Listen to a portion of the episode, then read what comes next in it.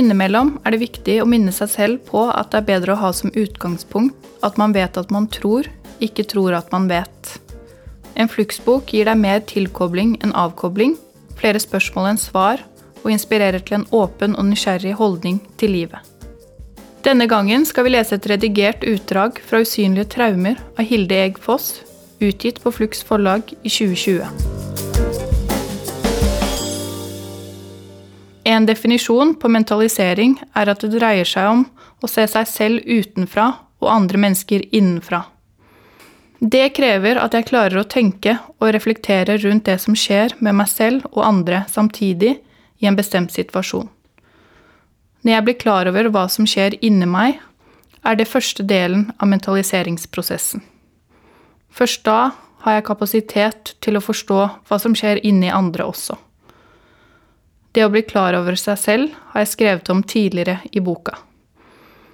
Det handler om å ta ansvar for seg selv, akseptere egen situasjon gjennom oppmerksomt nærvær, øve seg på selvmedfølelse og være bra nok for seg selv. Ved å jobbe med disse øvelsene øver jeg samtidig på å se meg selv utenfra.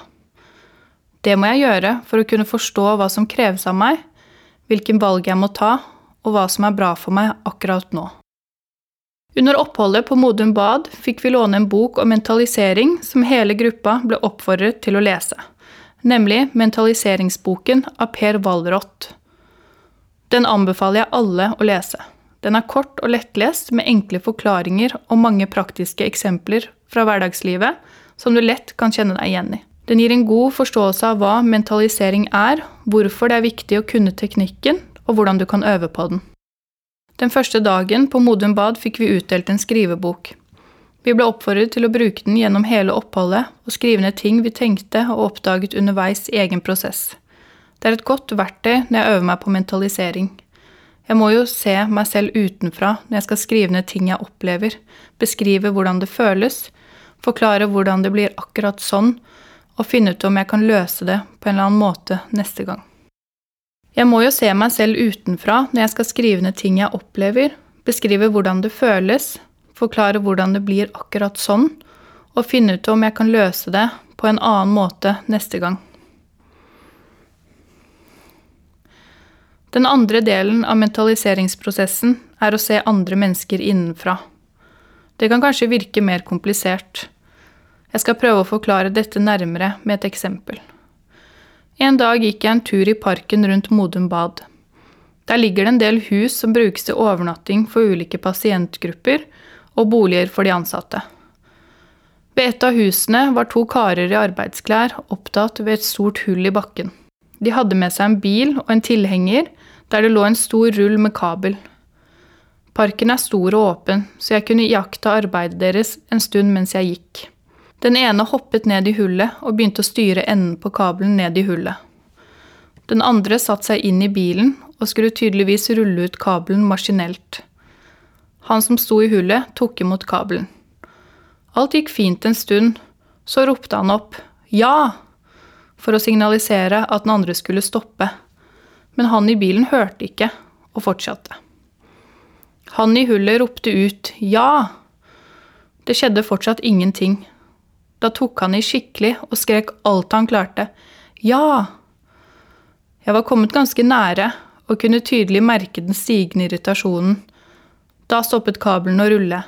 Jeg som nettopp hadde lært meg å øve på å akseptere det jeg sto i, måtte smile for meg selv og tenkte ja vel, så er det sånn for deg i dag. Hva trenger du når du har det sånn?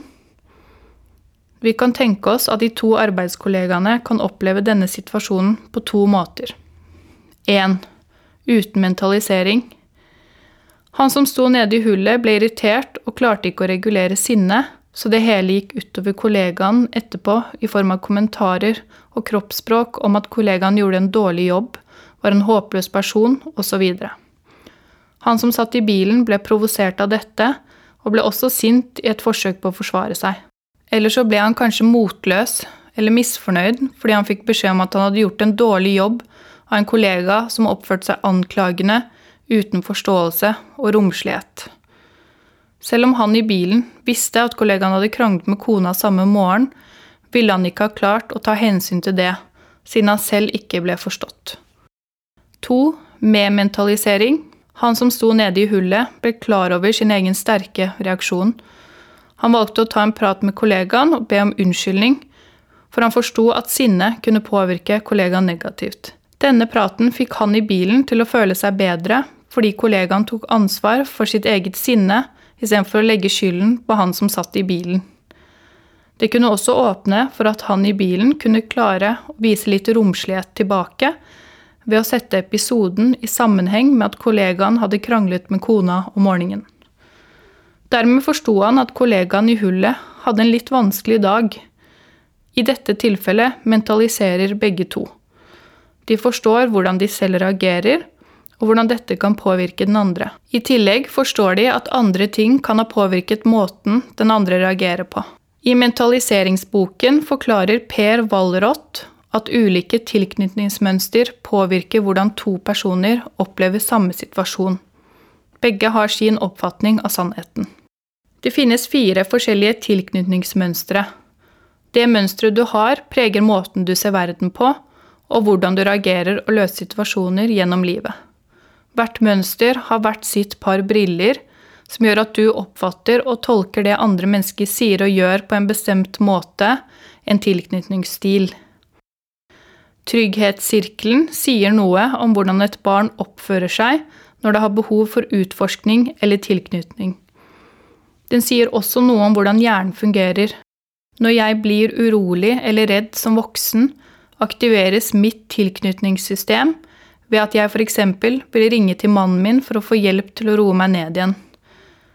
Da blir samtidig min evne til å mentalisere mye dårligere fordi jeg søker tilknytning.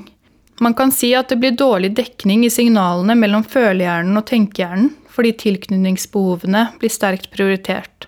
I en slik situasjon blir det vanskelig for meg å forstå at mannen min står i en krevende situasjon i den andre enden av telefonen, og at han ikke klarer å hjelpe meg på den måten jeg trenger, fordi han selv er stresset.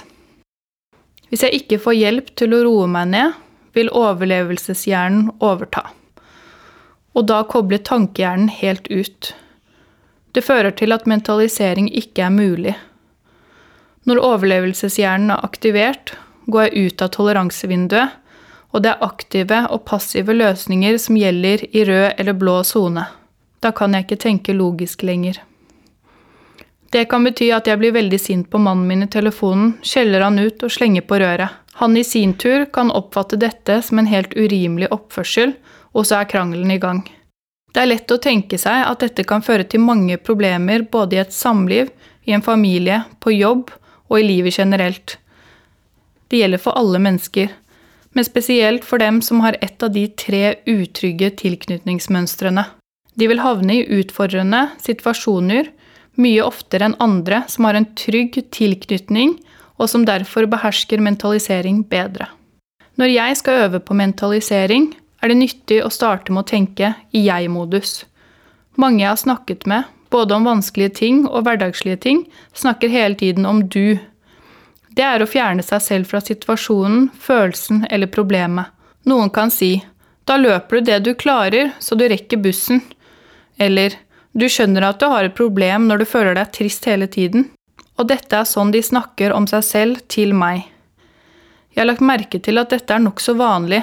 En bagatell, tenker du kanskje, men dette er nok til at jeg tar avstand fra problemet. Avstand fra meg selv. Og det skaper ikke rom for mentalisering. Prøv i stedet å snakke ut ifra jeg. Hele tiden. Da jeg begynte med det, ble jeg overrasket over hvor mye min egen innstilling endret seg på kort tid. Siden jeg begynte å registrere hvordan jeg egentlig hadde det, klarte jeg etter hvert å være ærlig med meg selv på flere måter. Jeg klarte å avdekke hvilke tanker, følelser og reaksjoner jeg kjente på i en situasjon, og når jeg blir vant til å snakke ut ifra meg selv, kan jeg beskrive ærlig hva jeg opplever her og nå. Da klarer jeg å se meg selv utenfra, og det blir lettere å akseptere hvordan jeg har det akkurat nå. Da er mentaliseringen i gang. Du har hørt et redigert utdrag fra 'Usynlige traumer' av Hilde Eggfoss, utgitt på Flux forlag i 2020. Jeg heter Frida Elvira Pettersen. Lydtekniker til denne podkasten er Danny Young ved Gong Productions, og musikken du hører er laget av Olve Flakne spesielt til oss. Du kan lese mer om oss og vårt arbeid på flux.no. Der vil du finne mer informasjon om alle våre bøker, våre prosjekter og aktiviteter. Flux betyr bevegelse, og vi ønsker å bevege tanken. Du kan også følge Flux forlag på Facebook og Instagram.